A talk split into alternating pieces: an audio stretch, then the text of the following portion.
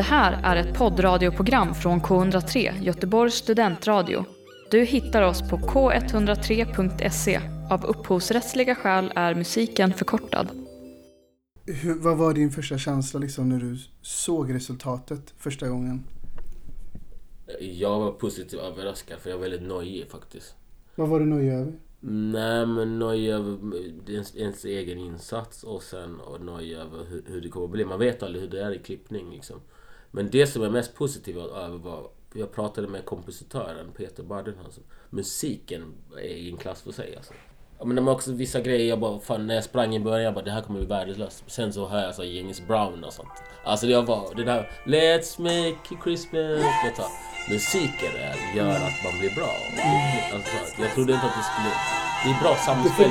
Liksom- Ja, postproduktionen funkar med liksom allt annat. Alltså det, bara, det blev bättre än vad jag trodde. Men kände du typ sen under inspelningen, att hade du svårt att se hur allting skulle han- hänga ihop? För det är väldigt sällan som man filmar från början till slut liksom. Nej men det, det enda var nog är just, just för som jag skriver manus själv, att det är för många karaktärer och storyn är för komplicerad. Att man inte kommer lära känna alla karaktärer. Men, men just, på, just den här serien, man bryr sig inte om den för den är liksom mysig. Man får ändå den... Eller vad, vad känner du själv? Man fick ändå det. Nej men jag, jag skulle ändå säga att man, att man lärde känna karaktärerna. Mm. Men det är också som du säger så här, det, det är en... Det är mycket plus att det är en julserie liksom. Ja exakt, att det, den är klyschigt, funkar. det är klyschigt för just jultemat. Ja, och jag hade lätt kunnat se om den nästa jul liksom. Mm, Det är För därför att jag sa till dig, därför det funkar just för jul, julen. När folk Ja. säger bara god fucking jul på sommaren. Jag bara hallå. Ja, Det är kul att folk kommer fram och säger det men, men, men det, funkar, det, blir, det är en annan effekt när det är på julen. Har ditt liv förändrats någonting liksom sen den här släpptes? Lite. Du skrattar när jag frågar. Ja, lite Ja. privat så det kanske, ja. På vilket sätt liksom? Nej men folk kommer ju fram och sånt alltså på typ. Men är, är du bekväm med det när, folk, när främmande folk kommer fram liksom? Jag, jag, jag, jag, jag, jag, har inga problem med det. Jag tycker det är kul. Men jag känner att jag är lite för gammal för det där. Så när jag var typ 25 skulle jag bara prata om mig. Nu är jag bara ja. Men... eh, vad jobbar du själv med? liksom så, så. Det, jag kan inte hantera för jag, jag känner mig för gammal för det. Liksom så. Eh, när jag var 25 då bara titta på mig, här är jag, jag vill ta över hela världen. Nu som 39-40 snart man bara okej, ja tack.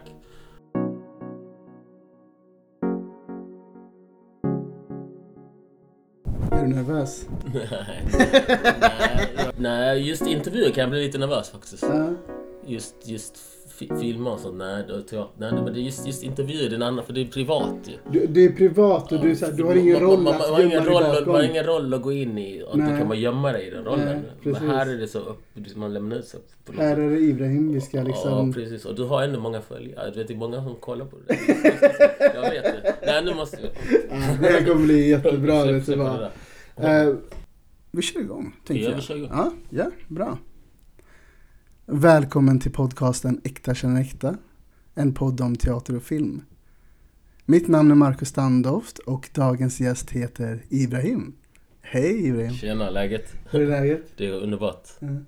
Vad har du annars gjort idag? Jag har eh, ja, varit hemma och städat och diskat. Men ja, städat, diskat och, och ja, lite nöjen. Mm, Och så nu är jag här. just det. Hur, hur bra är du på att städa och diska liksom hemma? Jag är ganska bra, jag är faktiskt pedant av mig. Ja, jag, det är jag med. Ja, fast nu, nu känner jag för när man, är, när man jobbar och är trött så orkar man inte städa. Men nu tänker jag, nu är helgen, nu kan jag städa på riktigt liksom. Mm. Eh, Lite så, för annars man är trött, man bara slänger liksom. Men nu bara, nej men, man måste ha det fint hemma för liksom, välmående är med så städning. Är det inte bra hemma så är det inte bra in, inombords. Liksom. Så tänker jag också Ja, för att faktiskt. det, liksom, det måste vara rent hos mig. Ja. Så, ja. Det ligger faktiskt något i det du säger, för att så Mm. kan jag också reflektera så här att Ja, men märker jag typ att det kanske är en period i mitt liv där jag liksom såhär, okej men nu kanske inte det är 100% Mm. Då syns det hemma också liksom. Ja precis, om någon så disken full liksom. Ja, tänker disk den personen mår inte bra kläder liksom. ligger framme liksom och så här, man Ja. bara okej, nu, nu är det någonting man behöver Ja, förändra. för jag har varit hemma hos folk och bara oh shit, här behöver du verkligen städa. Mm. Den Östermalmslägenheten kommer inte hjälpa. Det är inte min, eller, alltså, förstår du? Ja. Fan, du, den bostadsrätten du har och de pengarna du lagt för men fan städa för helvete. Mm. liksom. Lite så. Men det är, det är faktiskt viktigt att hålla, Ja, hålla rent och fint ja, hemma hos sig. Ja. Vad, vad har du gjort i veckan annars? Veckan bara jobbat. Eh, När jag inte är skådespelare så jobbar jag på skola med barn. Som jag. Ja, du gör det också? Wow, det visste jag inte. Nej, jag är utbildad lärare. Ja, just det. Jo, men, jo, men det minns jag nu när du säger det. Ja. Vad, vad tycker du om att jobba på skola?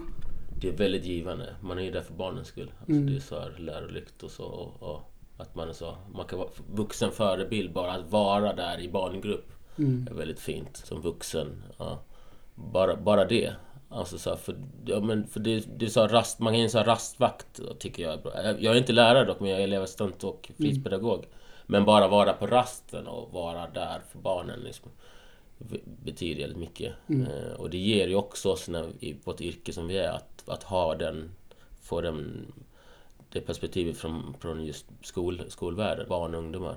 Och det hjälper ju också en som så här, i vårt yrke, skådespelaryrke tycker jag. Alltså verkligen det här med liksom att det finns oändlig fantasi som barnen har, som man också så smittas av liksom. Precis också. Ja, Eh, precis. Ja. Men också det här med rastvakt. Nu ska vi liksom inte fastna i läraryrket men, Nej. men jag tänker också på det att vara rastvakt, det är riktigt nice för att då Mm. så här, man kanske inte bara är med de eleverna som man har i den Nej, klassen utan man det- träffar så man många. träffar alla på skolan Ja. och man ser liksom så här. Ja, Eh, ja det, det är ett viktigt yrke. mm, verkligen.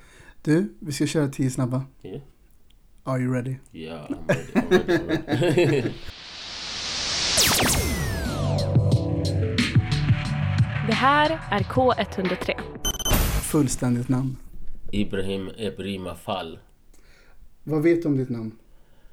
Ibra- alltså jag döptes till Abraham. Eh, och pappa har ändrat till Ibrahim. Men Ibrahim och Abraham är samma. Mitt namn står för eh, folkets fader, patriarken. Eh, så i, i Bibeln är Abraham är folkets fader. Men, ja, och Ibrahim är med profet. Men det är samma, ja, det är liksom en patriark. Folkets fader i, typ, i, i kristendomen. Okej. Mm. Ja, ja, ja. Ålder. 39, snart 40. Vi snackade om det innan. Men jag ser så ung ut. Precis, ser ut som 23. Ja, jag fick höra det precis innan. Alltså? Ja, precis innan. Ja. Det var någon som inte trodde på att du var 39. Nej, nej, men även när jag började jobba på skolan, de trodde att jag skulle börja i deras klass typ. Så jag bara, "Åh, fan, alla, jag är fan 40 snart. Men, men så jag tror att det är för min pappa. För min pappa är, alltså, jag har fått det för min pappa. Min pappa är född 41. Och han, han ser ut, alltså han är 80, vad är han nu, 82? 82? Ja, ja, precis. 82. Men han, han ser ut som 60. Så han har ju visat lägg nu i typ 30-40 år. Okej. Fast han är 80 plus. Och även när man var 70 plus och 60 plus. Så det är Ja. alltid bara hela tiden får visa lägg. Helt sjukt. Men... Det är Eh, så black and crack. ja, men precis. Men eh, bra gener med andra ord. Ja, precis. Men annars liksom, vad... Alltså, vad tänker du om att vara 39 liksom? Just den åldern, jag tänker inte något speciellt 39. Det var mer, jag hade mest kris när jag var 30 tänkte jag. Jo, men jag är lite nöjd för 40 faktiskt. Jag, jag vill inte, vet inte. 30 och 40 är just såna krisålder. Eller folk har matat där just 30-40. Och man tänker mer just då att man hamnar i någon slags livsvalskris. Men ja, jag, jag vet inte för. Jag har inga, inga tankar kring just 39. Men jag tror 40 det kanske blir mer nöje, tror jag. Jag hade också så här, verkligen 30-årskris Mm. när jag fyllde 30. Ja. Det var, det var inte roligt alls. Nej, liksom. jag förstår det. Men, men liksom... Okej, från att du var 30 tills idag liksom, vad är Mm. det för skillnad? Uh, nej men alltså, det är liksom som en umgängeskrets. Alltså så att man, man märker att alla som man hänger med i min ålder har barn och, och, och, och sådana där grejer. Eh, vilket jag inte har. Men ja, och det är därför kanske man kan jobba med kultur och inte ha mer tid för det. Nej, men, men sen finns det ju kulturarbetare som har fem barn och ändå filmar jävligt mycket. Men jag vet inte. Det, ja men det är just... Det, jag vet inte. Umgänges... Man märker skillnaden med um, umgänge, umgängeskretsen. Så hur... hur, hur ja, man, man ser bara liksom en, en annan... Konstellationen Ja, liksom. konstellationen Ja. där, precis. Annars ser jag inte något själv så. Vad har hänt mellan 30 och 39? Nej, jag vet Mm. inte faktiskt. Förutom att du sa innan, man orkar inte festa lika hårt. Nej men precis, det också. Att Mm. man, ja, man orkar inte längre. Man är 25 längre liksom. Precis. Mm. Den här, favoritklädesplagg? Eh, jag gillar skjortor. Mm. Skjortor gillar Har du någon specifik skjorta hemma i garderoben som bara det här? Liksom? Mm, Nej, men, men jag, alltså, min favoritfärg är blå. Jag har inte blå idag, men, men det är så, min mamma vet det och alla andra vet. bara- Just blå är min favoritfärg. Sen spelar det ingen roll om det är skjorta, det kan vara kostym också. Men alltid blått. Blått är liksom, jag älskar blått. Blue is the warmest color. Så det Ja, just det. finns en film också. Ja, så det var jag helt, så jag, men jag älskar, jag bara, oh wow, det måste jag se. Ja. Blå. Och blå står för så här, himlen och det, havet. Nej, så, ja, Picasso ja. blå. Ja. så. Men jag älskar blått. Men skjorta får jag jag säga. Ja, spännande. Mm. Eh, alltså så här, jag tycker alltid att skjorta är snyggt. Mm. Men jag känner mig alltid lite obekväm att ha det på mig för att det jag, blir jag, så... jag gillar även skjorta men jag, jag har inte det ofta på mig. Men, jag, men, men det är min favoritfallplagg. För, Ja. för när jag väl har det då känner jag mig extra bra. Men, och det, är, det händer en gång per år. Det- Ja. Inte ens på Guldbaggegalan så galapremiär man blir inbjuden på. Inte ens då har jag skjorta. Nej. Men när jag väl har skjorta, då måste, då, då- för då vet även vänner och familj. Vad har nu hänt? Ja, exakt. Vad, Vad- vad- har du vunnit liksom? på lotteri då? Alltså, Du har du den blåa skjortan. Du vet. Jag brukar ha skjorta på skolavslutningen skolan. Ja, det är så. Precis, Ja. ja, då. Men det är typ enda gången Ja, liksom. ja, precis. Eh, vilken film såg du senast? eh, senaste var nu, jag tror Babylon, det med Brad Pitt och Margot Robbie. Okej. var på en galapremiär i Stockholm. Och sen, ja, det var senaste. Och sen så är det en svensk film också, Tack för senast. Ja. Väldigt, de två var, de senaste. Hur var Babylon? Babylon var jättegrym. Det utspelas i Hollywood 1920-talet. Visst kretsar det alltså, kretsar kring stumfilmen? Ja, ja precis, tror det. 1920-talet. Ja, precis, kring stumfilmer. Det är Brad Ja. Pitt och Margot Robbie och Ja. Damien någonting hette regissören. Men den var jävligt nice. Och sen såg jag en svensk film, Tack för senast. Vad, vad, handlar den om? Eh, Den handlar om så, det är olika skeden. Det, det sker så olika så här. De firar midsommar och sen så firar de eh, jul. Alltså det är olika perioder som, som händer. Och så vänner som firar olika perioder som händer. Och så, så möts de i olika tids, tidsperioder liksom. Så Midsommar och sen, sen finns det så här någon har skaffat barn och så följer man de här vännerna och hur det utvecklas relationer. t- Typ, tror jag, vad det handlar om. Men det, jag tror att de har fått den från, jag tror det är en dansk film från början. Okej. De har liksom så här rip, ripped off. Har fått inspiration därifrån. Tyckte du om den? Helt okej. Helt okej. Ja. Inte, inte, ja, svensk, svensk romantisk långfilm. Okej, Ja, men det, det låter som att jag hade kunnat tycka om den. Jag gillar sånt. Men, men, jag, men jag gillar de som är med i den, typ Oskar Töringe från Tunna blå linjen och sådana, men det känner ju de. Mm. Men det, ja, jag tyckte det var bra casting i alla fall. Ja. Vart gick senaste resan? Senaste resan var faktiskt Malmö. Firade jul med mamma. Mm. Ja, hon bor där? Ja, familjen bor i Malmö. Ja. Okej, ja, Så ja, det ja, var ja. senaste resan med Skåne. Vad, vad händer inom dig när du reser ner till Malmö liksom? Wow, det är så hemlängtan, nostalgiskt. Så jag är uppvuxen i Malmö. Så jag, Mm. halva, mitt, alltså hela mitt liv är i Malmö. Jag vet inte, det var nostalgi, barndomsminnen som dyker upp och så. Sen jul, jag älskar julen. Uh, ja. Hade du kunnat tänka dig att flytta tillbaks till Malmö? Nej, Nej. nej. Det var, det var ett snabbt svar. Ja, nej. Anledningen är jag har gjort mitt i Malmö när jag var tonåring. eh, Och sen, men, men det som är... Det bästa med Malmö är att det är nära Köpenhamn. Så kan jag säga. Och billig, billig falafel och familjen bor där. Men jag skulle inte kunna bo där. Nej. Eh, För att jag har gjort mitt där. Jag, jag trivs i, i huvudstaden Stockholm. Och liksom när det finns mer utbud och, och så. Eh, ja. Malmö är för litet, så känner jag. Men, men det är annars... Det är fin, fin stad så. Det är inte så dåligt som de säger i medier. Malmö, lalala. Det är bara bullshit tycker jag. Det är väldigt mysigt, det finns många parker och det är nära Köpenhamn och det är, det är nice. Men jag har gjort mitt där som tonåring och jag har växt ifrån det där länge sedan. Jag flyttade från Malmö när jag var 19 redan. Okej. Ja, så jag flyttade till London och sen Göteborg och sen har jag bott i Stockholm en del också. Ja, ja. Ja, jag har ändå varit en del i Malmö. Jag tycker, jag tycker om den här staden. Ja, men jag kan tänka att de som inte är från Malmö, uppvuxna, de älskar ju. De har liksom så här... De lyriska med Malmö. Åh, Ja. Malmö är så fantastiskt. För, och även stockholmare och Göteborg. För att, men om man är uppvuxen i, i det där, då är det en annan sak. Det är klart. Ja, Då, då ser man staden med ja, helt på andra precis. ögon liksom. Man är så här, liksom så första fyllan, gymnasiet, högstadiet. Du vet så... ja, precis. och ja, du vet så det blir en, det är en annan... En annan ja, du fattar. Det köper jag verkligen. Ja. Eh, paradrätt. Lasagne, säger jag. Är du bra på att laga mat? Nej, jag är inte... Jo... men, men, men, men, men, men, men varför, varför jag sa lasagne? Jag skrattar.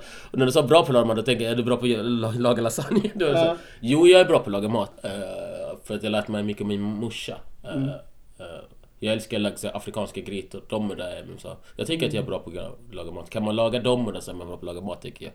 Det är så afrikansk gryta, jordnötssås, gryta, man så grönsaker. Man kan använda kyckling eller kött och...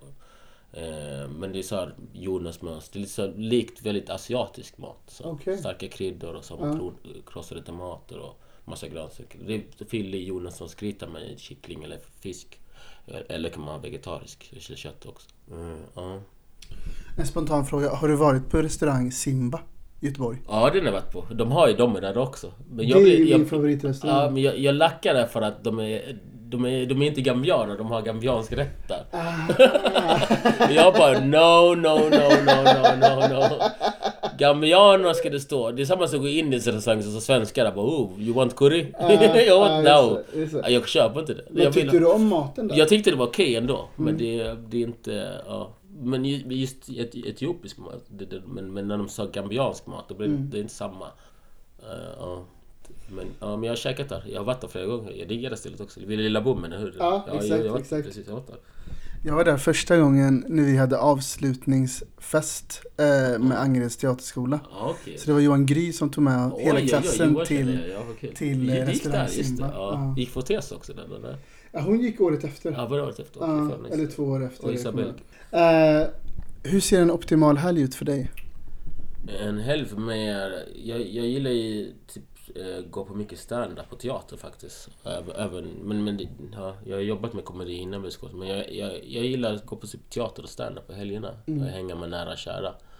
Eh, antingen sitta hemma med dem eller så bara få en upplevelse, scenisk upplevelse främst och främst. Eh, det är vad jag gillar faktiskt på helgen. För typ på vardagar orkar man inte.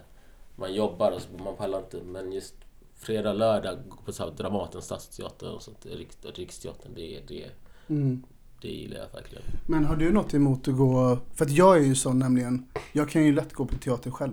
Mm, jo, det har, det har, det har jag. Eh, ja, men, men ibland kan man utnyttja för man har många vänner och kollegor som säger bara men kom själv så får du en fribiljett. Ja. Jag utnyttjar det 70 Ja. jag, känner, ju typ all, all, all, all, inte alla i branschen kan inte säga att jag känner men, men 70 procent. Ja, med många liksom. Men också sen, ja, men Mattias Andersson, min gamla chef. Så han, de, jag får ju fribiljetter så jag går själv. Jag, jag- ja, men jag uppskattar...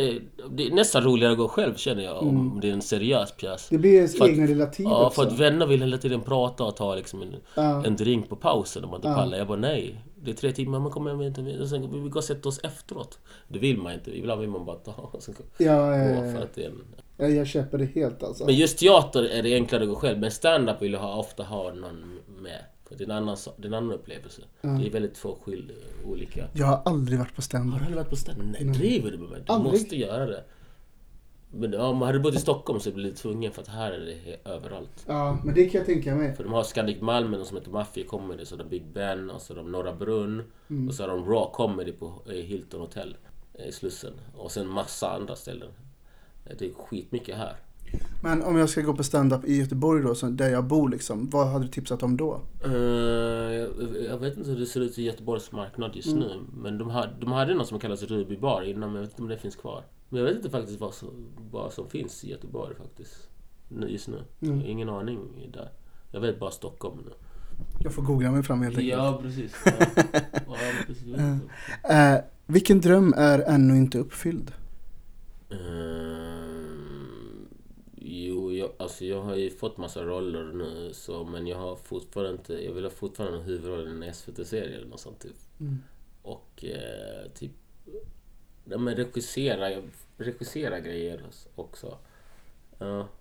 regissera och, upp, och huvudroller i, i lite mer grejer och inte vara stereotyp. Bra. Bra svar. Mm. Vad är viktigt för dig för att du ska må bra? Hälsa, bra umgänge. Men också må bra med mig själv. Alltså så här, jag, för mig, att vara optimistisk tycker jag är bra. Och typ ta hand om mig själv är viktigt också. Och, så, och även ha så här lugn och ro för sig själv också. Egen tid. Mm. Viktigt. Är det, det är viktigt för dig? Ja, Mm. precis om man är en så offentlig person och ofta jobbar i skola, jobbar man så det är viktigt också liksom, att kunna vara för sig själv ibland, Ja. känner jag. Jag tror det hjälper en faktiskt. Men är du duktig på att ta egen tid liksom? Ja, det, det tycker jag faktiskt. Tycker jag. Ja. Så du, du hade kunnat spendera en helg hemma liksom utan problem? Det kan jag göra äh, faktiskt. Det olika perioder dock. Men, Ja. men, men ja, det, det beror på. Jo, men, jo men, så, ibland. Sista nu då. Mm. Vad vill du tipsa om? Vad som helst. Eh, Vad som helst. Eh, till alla dagens ungdomar som skriver manus. Mm. Skriv om samtiden. Eller gestalta samtiden som den är nu. Och var inte så jävla... Tänk mer svart än vitt. Mm. Lite, lite så säger jag. Att liksom gestalta eh, hur, hur världen ser ut idag och det. skippa stereotyper. För att jag tycker film, vår, vår bransch, filmbranschen, är väldigt... Det är mycket vitt och det är mycket stereotyper. Det är som Snabba Cash Kalifat, alla invandrare är kriminella och terrorister. Det är lite det tänket som folk har. Jag tänker att de som unga manusfattare och så här. Jag önskar att det är många mer rasifierade manusfattare. Att de kan liksom lyfta storytelling till en annan nivå och bara gestalta här och nu. Eh, samtiden. Som det ser ut på riktigt liksom? Som det ser ut på riktigt, Mm. precis. Ja. Jag köper det Ja. verkligen. Fina svar. Tack. Hur kändes det att göra de här tio snabba? det kändes bra. Jag pratar från hjärtat så det blir bra. Ja, ja, ja, ja, verkligen. Vi ska prata lite om din uppväxt. Mm. Du sa innan att du är uppvuxen i Malmö, Mm. i Skåne. Vad kan du säga om din uppväxt? Vad minns du liksom om den? Jag föddes i Göteborg, först Sahlgrenska. Sen flyttade vi till Ljungby, Småland. Och sen Helsingborg, Malmö.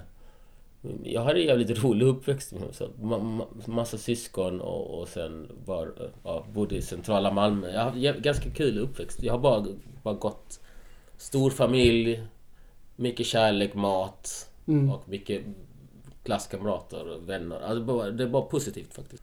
Vad, är det stor åldersskillnad mellan dig och dina syskon? Eh, nej, det är det faktiskt inte. Eller Mm. jag har storebror som är två år äldre och sen syster som är fyra yngre, sex år äldre. Och så, nej, inte så stor skillnad. Jämnåriga med några av syskonen. Typ tre. Men så ni kunde leka mycket ihop när ni var Ja, små, ja, ja. liksom? Vi är uppvuxna med samma, samma, alltså så här. Tre av mina syskon var uppvuxna med Eddie Murphy och Ja. eh, Beverly Hills och Fresh Prince och du Ja. vet, samma era. När hiphopen kom och så här Dr Dre. Alltså vi all, alla har samma referensramar liksom.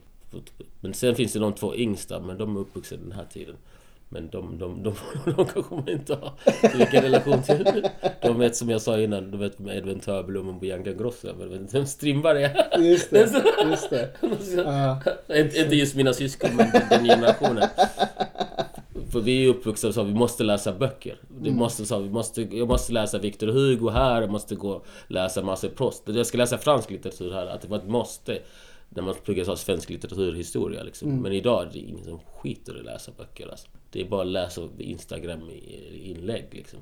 Det är grejen just nu, vilket är tragiskt ja, faktiskt. Den utvecklingen, tycker jag. Ja.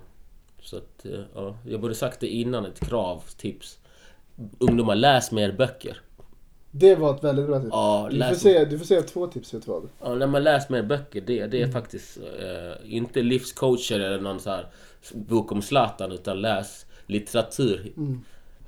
Jag är lite nyfiken på hur, hur, hur hittade du liksom ditt intresse för teater och film? Eh, jag ville bli skådis när jag såg Nya Landet. Jag vet inte om du har sett den tv-serien? Ja.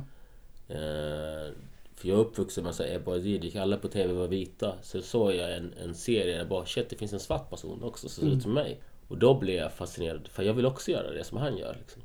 Så, så det är viktigt som med förebilder. Jag, jag, jag ville bli skådis när jag såg Nya Landet. För jag tyckte att han, Mike Almayer tror jag han spelade typ Ali i den serien. Han var så jävla bra i den serien. Det handlar om en kille som hatar Två invandrare, en hatar Sverige, den andra älskar Sverige. Och han bara, äh, Sverige! Så.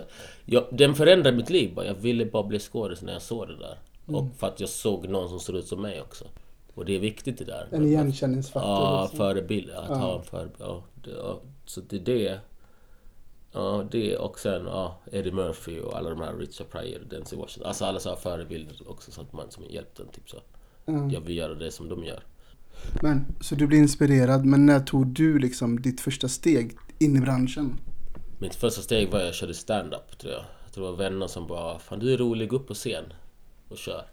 Du får en bärs, du får en shot. Och så gick jag upp och bara, och så, så fick jag bara, så- det blev så bra. Och, och sen efter det körde jag teater typ. Och sen, ja. det var den vägen, stand-up typ. Att mina vänner tvingade mig upp på scen. För Mm. de tyckte det var roligt, att jag hade någonting. Och sen så, så fick jag kvitto på att jag, jag kanske är lite rolig, kanske har någonting. Och, så, och då blir det liksom en naturlig övergång till Ja, teaterscenen. liksom. Ja, precis. För jag vill, jag, jag vill inte. Stand-up. Stand-up är inte min grej egentligen, men jag... Jag tänkte att det är en, det svåraste att göra. Och sen gå över till... Sen skulle jag göra en teatermonolog på Angeresteatern. Och då har du gjort stand-up, då, då blir det, det blir som enkelt, enkelt. För det är det mest utlämnande att göra, liksom, stå Mm. på scen. Få folk att skratta när de inte ens är där för, för dig liksom. Har man gjort det så har man gjort det bästa tycker jag. Och då, då blir det liksom enkelt, enkelt att gå över till teater och film, tänkte jag. Eh, vilket jag, jag tror att jag har rätt också. Så jag hade rätt. Ja, det, det, tror jag, det tror jag verkligen. Ja, Jag har skrivit här att du är ju även utbildad manusförfattare. precis, det stämmer bra. Du var inne på detta lite innan, men Mm. jag har ändå skrivit frågan här. Att, vad är det som gör ett manus bra och inkluderande till sin publik? Vad skulle du säga? Alltså för mig, manus och film och så, alltså, så, så länge man berör är det viktigaste. Eh, berör. Sen så tycker jag också så att alltså tekniska grejer, dramaturgi är så viktigt. För, för har du det där och, och så komplexa karaktärer så kommer du beröra. Men också fokusera på just universella teman. Många har ämnen och så, men de har aldrig så här... Det finns alltid, de kan göra ett ämne, okej jag ska jobba med HBTQ, men det måste finnas här universellt tema. Så här, kärlek, frihet, ensamhet. Det måste finnas under allt annat. För att det ska beröra på riktigt, på djupet, tänker jag. Att det finns en samma, alltså, jag kan inte bara säga Romeo och Julia, men de har ju liksom kärlekens stil där. Alltså, det, oavsett om det skulle kunna handla om något annat, men det är kärleken som gör att man blir berörd. Ja, just det. Eh, ja, sorg, kärlek, frihet och så. Att det måste finnas liksom så en övergripande tema. Man kan ha små teman, men det övergripande teman eh, Det måste vara konkret liksom. Ja, ja, det måste vara konkret. Precis. Då blir det bättre tycker jag. Det är viktigt. Sen säger jag inte att jag själv har, har de bästa stories. Men, men jag, ja, jag försöker själv jobba så i alla fall. Om jag, Hur, hur mycket manus skriver du själv liksom idag? Eh, just nu skriver jag inte så mycket. Jag har gjort, jag en kortfilm bara. Mm. Eller jag, har skrivit, jag har skrivit två kortfilmer. En vann pris och en, en, en... Den andra var jag inte så nöjd med för jag regisserade inte den själv. Men ja, man måste börja någonstans. Men ja, jag har skrivit två kortfilmer bara. Ja, ja. Ja. Eh, men är din plan att skriva mer liksom i framtiden eller vad tänker du där? Jag vill gärna skriva mer. eh, Gärna något, något komiskt faktiskt. Okej. Och skriva en tv-serie kanske också. Ja, Okej. men, men jag har inte den lusten just nu. Nu är det bara skådespeleri som, som jag känner. Men, ja. Du har jobbat på många teatrar mm. i Sverige. Mm. Backa teater, Regionteater Väst, Angeds teater, Teater Trixter med mera. Liksom. Mm. Jag har faktiskt valt att prata om Bananhuset. Okej, ja, monologer. Som du spelade, ja, monologen som du pjäs. spelade på Angereds teater pjäs, ja. 2014. Ja, såg du den? Du såg den? Jag såg, jag bodde inte i Göteborg då. Ja, okej. Men som jag har förstått det så var detta en föreställning uppdelad i två monologer. ja, ja, precis. Vi hade två monologer. Ja, där inkluderad och exkluderad står i fokus. Mm, exil och Bananhuset. Vi körde Exakt. samtidigt. Ja. Och var det paus emellan då? Så liksom, eller hur såg, det, hur såg det ut? Alltså, vi, det, vissa kvällar var det var två. Annars sen körde vi också så bara, bara min och bara hennes. Okej, ja, ja, Så ja. det var ja. olika. Och sen så körde vi Folkteatern också. Då var det tre monologer. Det var en som hette Hemligt också med Josefin Bauer. Ja, okej. Då var det tre. Ja. Efter varandra. För du står ju ensam på scenen i monologen Bananhuset. Mm. Vad, vad kan du berätta om det här projektet liksom?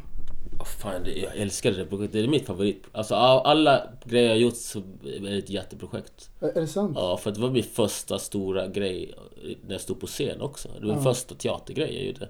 Alltså, och så ska jag stå själv där 60 minuter. Men den var så rolig. Och sen Nikolaus Kolova som har skrivit det och Alefia Gerofuka som har regisserat. Vet inte om du känner till dem? Mm.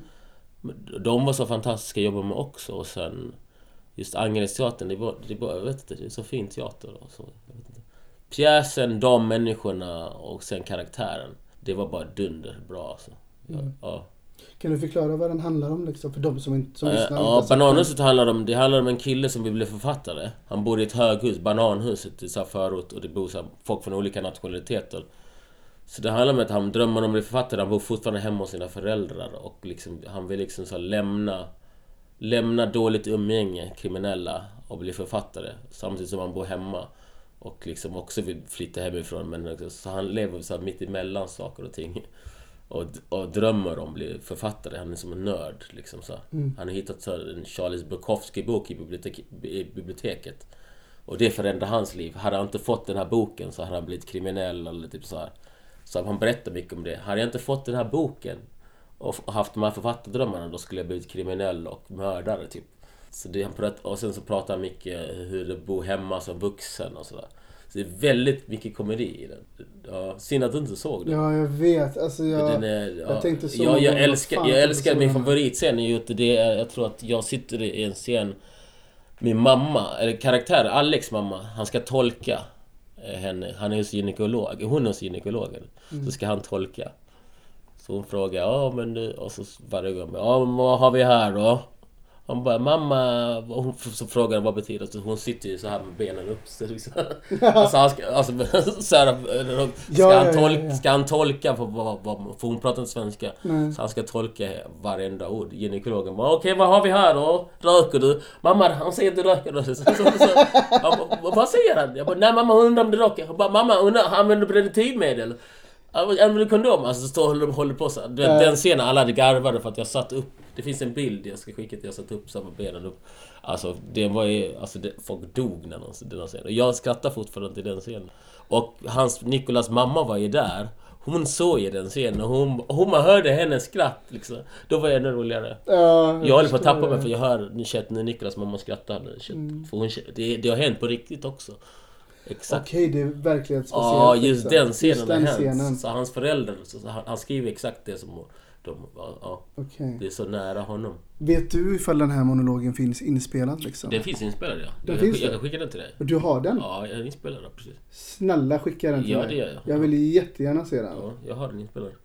Vad, vad händer i dig nu när vi pratar om det här? Jag ser att, att lyssnarna de ser ju inte detta men du ler ju väldigt mycket när vi pratar om bananer. Ja men, ja men bara för att det är jätteprojekt. Det är mitt första...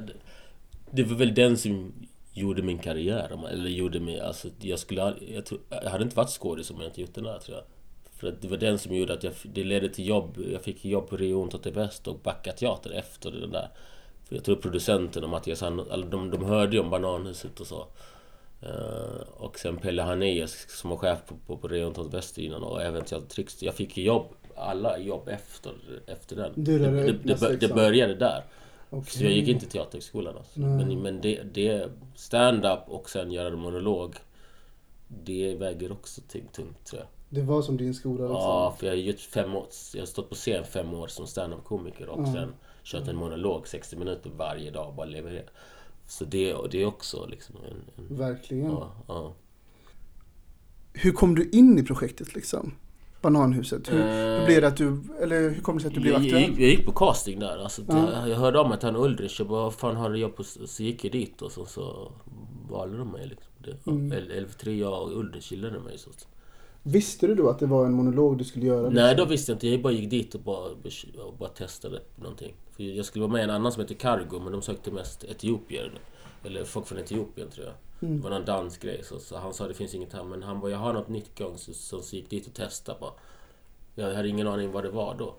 Men, men, men jag visste att det var så komedi. Jag bara yes. Har jag kört stand-up i fem år. Det här kommer jag lätt. De bara stand-up, det är en rolig karaktär. Jag bara nu jävlar. Ja. Och jag bara körde all in. Så, så de, de gillade det. De gillade det. Ah, fan vad häftigt. Ja, Jag, ja. Alltså, inspelad teater, det går ju inte att jämföra med, Nej. med live att se något. Men jag är ändå Nej. glad att du har den Jag inspelad. så att hatar ska inspelad se teater. den. Jag hatar inspelad Ja, du teater. gör det? Men det ibland funkar det. Alltså, för jag tror Fa- Farnas hade ju någon föreställning där. De filmade på rätt sätt så.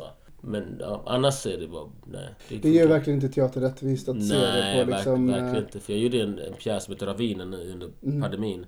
Folk såg det på så play. Jag bara, fan det går inte. nej. Det är inte, det är inte samma grej. För det är liksom så här. Vissa så sceniska grejer, man snurrar på en, en sån här grej. Så, så. Det funkar bara live liksom. Det, Ja. det går inte. Och det, det är så mycket som uppstår bara att sitta i en publik. Mm, Och liksom det här mötet mellan skådespelarna och publiken liksom. precis. Det går inte att göra det rättvist framför en skärm. Nej, Liksom. Eller framför en filmkamera. Exakt. Det... Du, här har jag skrivit en rolig sak också. Mm. Eh, på GP, alltså Göteborgs-Posten, så läste jag att du spelade premiären av Bananhuset med en stukad fot och en krycka. Ja, det stämmer. Fan- Ja, står det så? Ja, det, det stämmer. Det är en artikel som jag läste. På genrepet, ja, det är en scen jag hoppar upp och så, så, så landar jag väldigt... Ja, ja det, det gick inte så bra. Eh, Ja, jag stukade foten typ dagen, dagen innan premiären.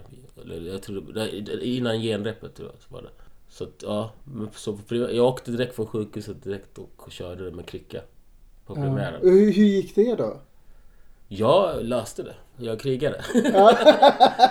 Men det måste gjort svinont Ja, det gjorde För det måste svinont. väl ändå hindrat dig till många saker? Jo, det hindrar, det hindrar med mig, men, men jag, jag, gjorde, jag tog det till min fördel också. Jag, tänkte, jag gjorde så att karaktären har ett handikapp. Ja. Eller så här, och låtsades som mamma för att jag var tvungen att bara improvisera vissa saker. Ja. Men jag har ju bara en dansgrej. Annars, jo, det, det fuckade upp vissa scener och så.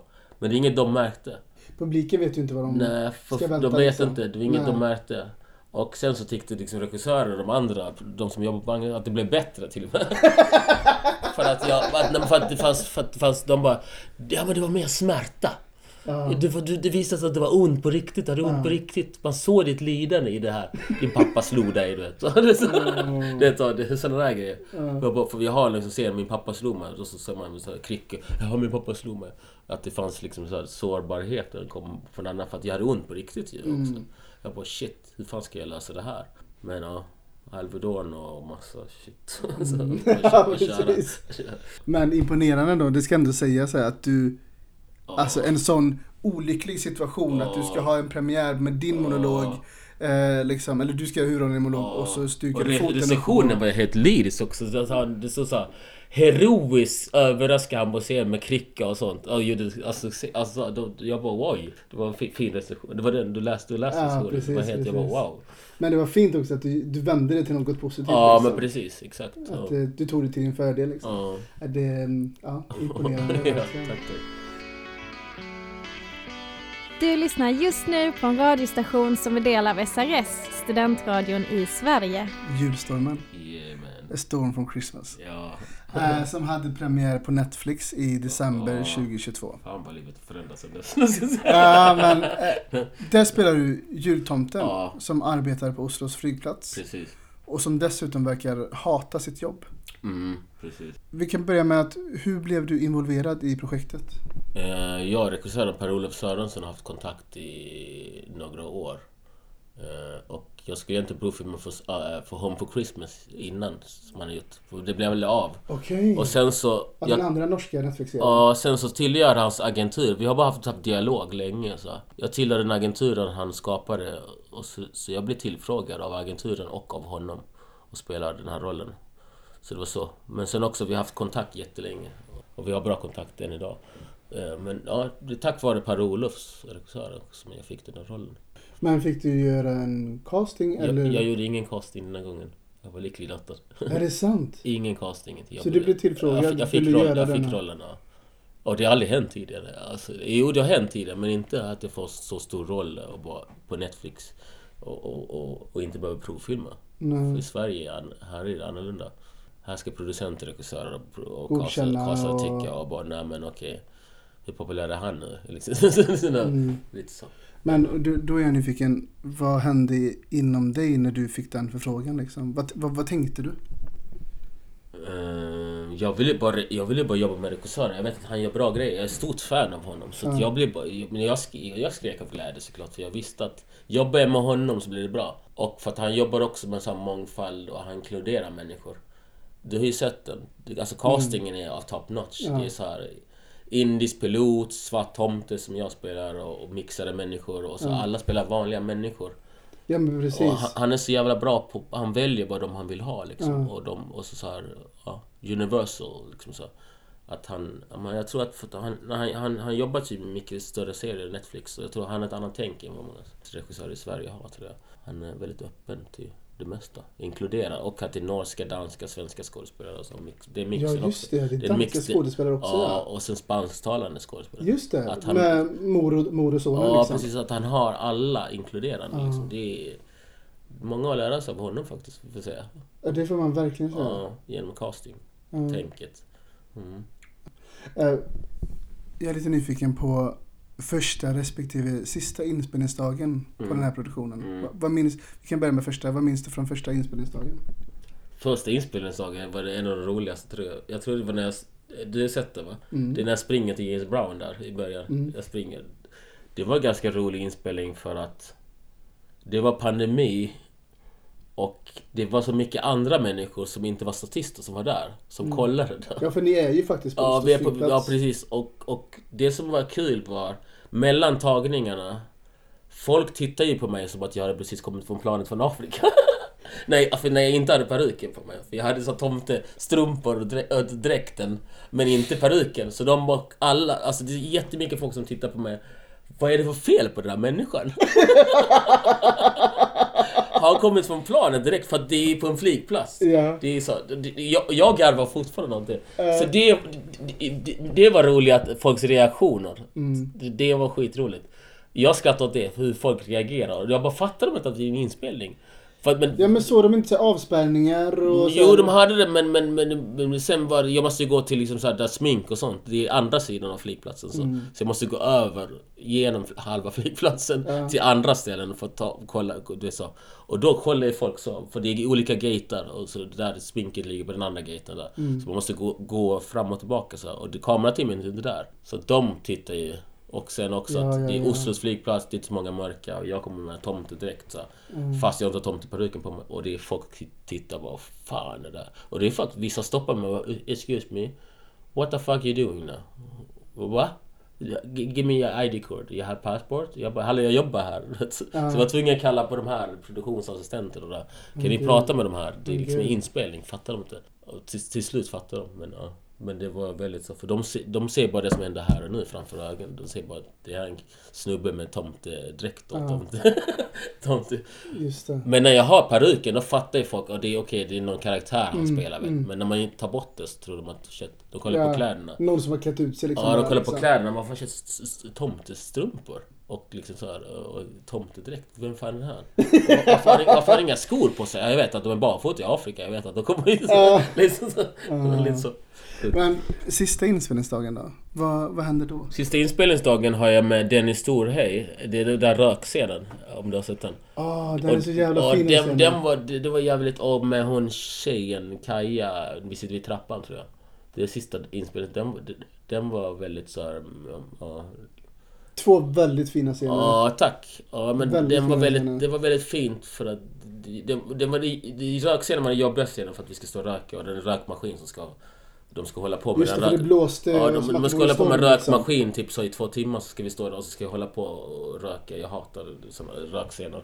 För det var både min och Dennis Storhejs sista dag. Liksom. Okej. Så det var väldigt speciellt då för att ja, vi båda är med mycket men det var båda han och min sista dag. Och, och ja. Så det var, ja. Var nice. Var det riktiga cigaretter eller var det liksom... Eh... Jag, hade, jag, jag, hade inte, jag hade inte riktigt cigg, men jag tror att han hade. Okej. Han är en riktig beförräktare. han, han kollade på mig han bara... Han är ju en, han är Norges största skådespelare. Men, han, men, men inte- bara det, men han... Jag, bruk, jag har rökt cigg riktigt, men jag, jag klarar inte just det då. Just då. Mm. För jag hade massa scener innan, jag bara nej jag kan inte. För det var typ tre, jag hade typ tre, fyra scener innan det också. Så. Mm. Jag, vi spelade in det i, samma, i svep typ. Jag hade ju det med trappan och sen jag och Dennis kommer in och ut och sen, Ja. och sen den... Det, det tar också. Och sen tror jag jag hade någonting i, även i flygplatsen också. Typ tre, fyra Den Mm. jag orkade inte bara. Och sen det... Vet inte. Ja. Var det långa inspelningsdagar liksom? Ja, ibland då. Ja, Mm. ibland då. Mm. Men det är mest väntan. Så här. Alltså, och just att det var pandemi. Jag tyckte, jag tyckte inte att det var så långa. Men det var, det var väl, väldigt kul. Väldigt kul. Ja. Jag har aldrig haft så kul på en inspelning. Jag tycker, Mm. ja, jag borde inte flytta till Norge och jobba där istället. ja, Nej, men precis. jag har aldrig haft så kul. För de, nor, nor, norrmännen är annorlunda liksom. Det är inga egon heller. På sätt så. Nej, det är an, annorlunda faktiskt i Norge. Jag har skrivit här. Finns det ett före och ett efter när det gäller just den här produktionen? För dig? Privat liksom. Du menar Julstormen? Ja. Jag är klar med Julstormen tror jag. För att den har fått väldigt mycket uppmärksamhet även privat och sådär. Och att jag bara jag måste göra något nytt. Eh, och det är en julserie också så att det är så här, det funkar på julen tänkte jag bara. That's it liksom. Mm. Det är en julserie. Eh, folk kollar det på julen. Jag vet när du kollar lite senare. Ja, men jag ja, såg den typ, jag kommer inte ihåg, antingen slutet på december eller så Mm. var det början på januari. Mm. Ja. Nej, men, men, men det, det, det blev så för att liksom Det kommer fram ibland främlingar att man säger god fucking jul. Jag bara, men det är inte jul nu.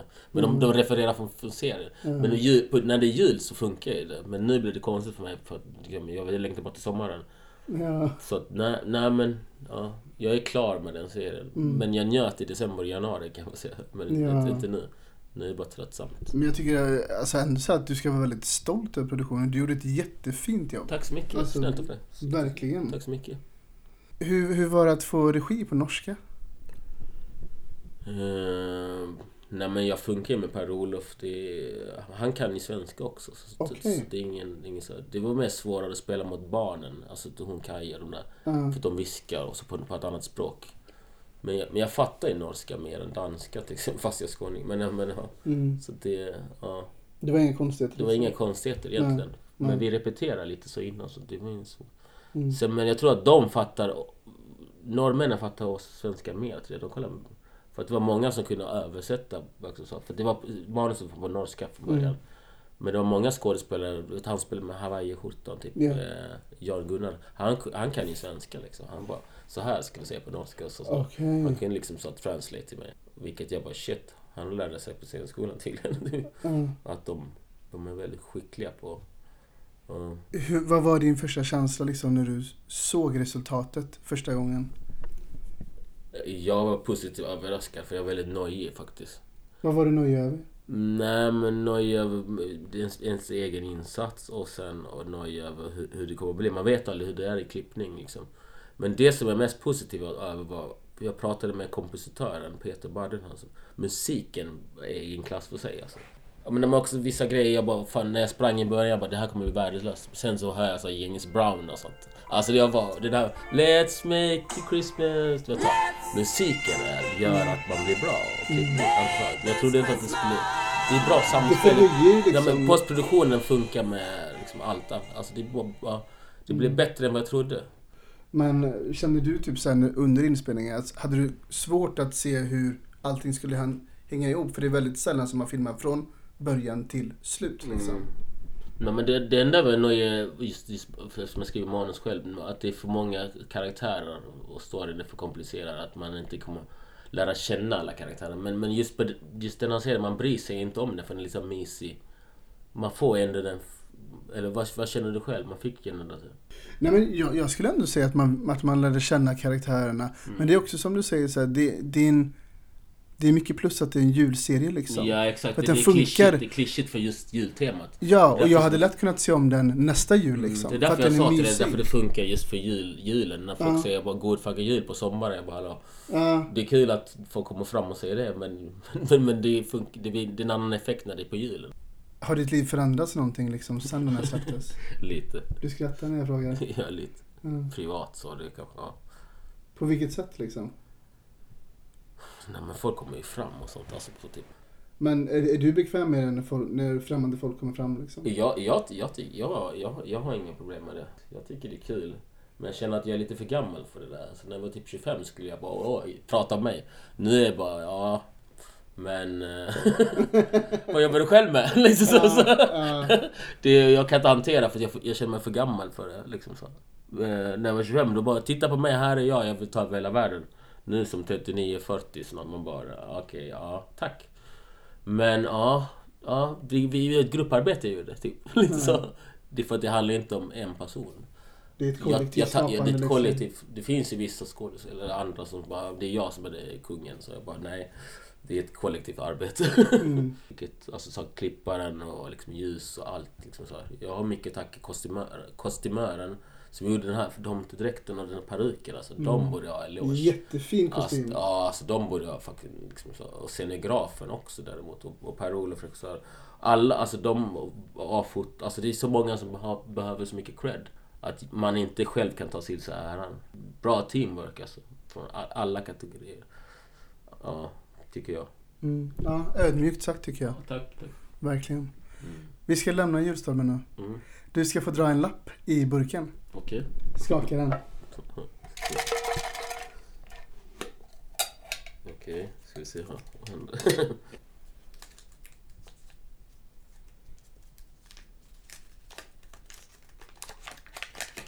Fobier? Shit. Oh, intressant. Har du några fobier? Uh, jag har inga fobier men jag, jag, men jag brukar säga, jag, jag är höjdrädd. Det är väl, man säger det, det minns av flow, som karaktärer brukar säga flow, ant, ant, akilleshäl. Mm. Jag är rädd för höj- höjder liksom, det är enda, ja, det är väl det enda. Mm. Alltså jag får svindel om man typ sa, man kan sitta som fransk balkong på nionde våningen, så, så fort folk ska gå ut och röka i balkongen, jag kan inte ens titta ner. Mm. Även på så hotell som har liksom så här, du ser, man kan se ner från takbaren, rakt ner, vet så, mellan hissen och... Ja, jag fattar. Och jag bara, och jag klarar inte av det liksom. Jag vill dö liksom. Men jag känner inte så när jag är på flygplan, men bara, man bara ser ner så. Mm. Ja, det är väl, ja, det värsta. Jag tänker, ja. Det är ändå ganska lätt att, att eh, hålla sig borta från höjder bara då. Nej men... Du men- behöver ju inte vara på höga ställen. Nej men, men det, man, man hamnar ändå liksom höga, så, ändå. Ja, det är lätt att säga men, men man, man, ja, man hamnar ändå så här, typ. Vi kan bara ta en hiss upp i hotell så blir jag så nojig. Alltså, det Ja, kan vara ja, så, sådana där, okej. sådana, Mm. sådana där grejer också. Eh, Men inte på, på flyg känner jag inte för att det man känner som att man känns säker. Man ser ju inte ner liksom. Det är Mm. mer när man tittar ner. Och så, det är då är det kört liksom. Um, och det är kul, en av mina favoritfilmer handlar just om det där också, Vertigo med Alfred Hitchcock. Inte sett. Ja, nej men det, det första scenen är att han är på tak och tittar ner och så. Och det är sjukt att det är just Min favoritfilm handlar just om det också. Ja, det är precis. därför precis. connection. Så. Men är karaktären i filmen också höjdrädd? Och karaktären är, det handlar om så här, han, han, Det handlar om att han är besatt av en tjej så här, men det handlar också så här, Hans akilleshäl, flow, är att han är höjdrädd. Och, då, då, och det Hitchcock är så smart, han är så bra, att han bara han sätter sin kar- karaktär för det värsta i första scenen. Han är på ett tak. ja, så, han utsätter sin karaktär för det värsta i, i Ja, första i scenen. början. Då är man en bra manusförfattare och regissör. Alltså, han, Ja, han är ju genialisk. Han bara sätter sin kar- karaktär för det värsta. Den värsta rädslan direkt, så fobin. Han satte ribban där Och han liksom. sitter direkt, han bara, då fattar man shit. Uh, han, han är rädd för liksom, höga höjder och, och, så, och sen så ska han få ett uppdrag att göra det här. Mm. Och liksom, det blir, alla vet bara shit, det är kört liksom.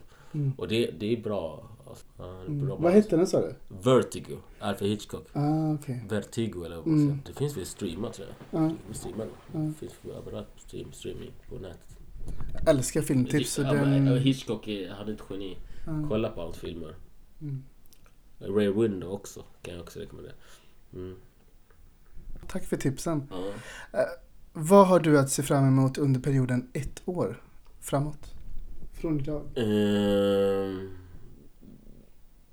B- börja jobba med sköna människor, tänker jag. Och sköna projekt och typ kanske göra något eget. Mest så. Eh, ja. Jag har inte så mycket förhoppningar så, utan bara liksom må bra och jobba med sköna människor liksom. Är du bra på att omge dig med, enligt dig, sköna människor? Det tycker jag faktiskt. Men Mm. man, man, man, man, man också blivit, ju äldre man blir, man också, man, man så, cirkeln är mindre. Ja. Man väljer liksom så. Man känner ju av direkt så. Okej, den här personen är... Och sen att man, jag, jag jiddrar inte mycket som jag gjorde förut. Jag är liksom så här... Inte att jag har blivit för svensk, men jag, men jag har blivit så mer konflikträdd än vad jag var förut. Innan var jag bara så, get the fuck out of here. Nu är det så bara, nej men okej, vi kan... Men vi, kan väl prata om det. vi kan väl liksom lösa... Alltså så, man blir en annan... Det är inte som förut. Mm. Men jag tror kanske ålder också. Så att man, ja. Nej, men när folk bråkar igen, så man bara lägga av nu. Kan vi, kan vi lösa det på annat sätt? Att man så, det blir, det blir obekvämt. Ja. Man var idiot när man var ung, tänker jag. När man, var, man, var, man var dålig, alltså, jag. Jag är bä- Jag är bättre nu än jag var förut, känner jag. Mm. Lite så. Och du tänker att det är åldern som liksom spelar in? Men man har ålder och mognad och erfarenhet och sen Ja. också att man också lär sig av sina misstag och så också. Ja. Men sen också, man blir lite vad man omgås. Det är också mycket umgänge också så här. Och, man, Ja. och som jag säger, man får umgås med positiva människor, man känner av det där. Eh, De som vill väl och sen också människor som gläds åt andra. Alla gör inte det. De, vissa, har andra onda intentioner och så också, fast man inte märker det. Det tar kanske lång tid innan man märker, okej shit den personen vill ju bara hänga med dig bara för att du är skådespelare. Alltså förstår du? Ja. Det kan finnas sådana där typer Ja. också. Mm. Men har du blivit bättre på att se igenom sånt idag? liksom? Ja, ja, ja, ja. Mm. Ja, ja. Ja. Det, sånt märker man direkt. Men även andra vänner, så mina närmsta tjejkompisar bara du, den där personen, nej. De ser det mer än tydligare än man själv. För att man är för snäll också ibland. Så folk kör över en snällhet. Så att man, så att man blir förblindad att också. Så. Människor vill en väl liksom. Ja men precis, man får blindad också. Man tänker men nej men den här gillar bara vad jag jobbar med liksom. Ja. Och, och tycker att jag är kul. Sen, sen andra vän. Det är roligt när andra lägger märke till det och inte en själv. Alltså just dina närmsta. För när de gör det då, då, då, då respekterar en dem ännu mer och bara fan vad lojala de är. Att de ser det och inte jag ser det. För att man är själv inne i liksom det. Eh, vill alla väl och att ja, tänker så bäst om alla. Fast det inte alltid är så. Mm. Ja, jag fattar. Jag fattar. Mm. Vi börjar bli klara här nu. Okej. Hur känns det här? Ja, det var bra. Kul. Ja. Kul att snacka lite. Vad, är det här din poddpremiär? Ja, det är det faktiskt. Mm. Tror jag. Jag har inte gjort några radiointervjuer innan, tror jag inte. Nej. Nej, det var poddpremiär då. Mm. Jag är tacksam att du ville ha din poddpremiär hos mig. grymt. Ja, tack. Det, Tack känns det bra för dig? Det känns bra, ja. Mm. Mm. Vad kul. Mm. Det gör det för mig också. Och då säger jag med de orden att du har lyssnat på ett avsnitt av Äkta känner äkta med mig Marcus Standoft och Ibrahim Fall. tack för din tid. Tack själv. Tack för att du kom hit. Det har varit jättefint att sitta och prata med dig. Detsamma. Det, det får inte gå lika många år emellan tills nästa gång tycker jag. Nej, precis. Eh, tack för att ni har lyssnat och vi hörs i nästa avsnitt. Ha det bra. Hej då! Hej då. Du har hört en poddradioversion av ett program från K103. Alla våra program hittar du på k103.se. Följ oss gärna på Facebook eller på Instagram. Vi hörs!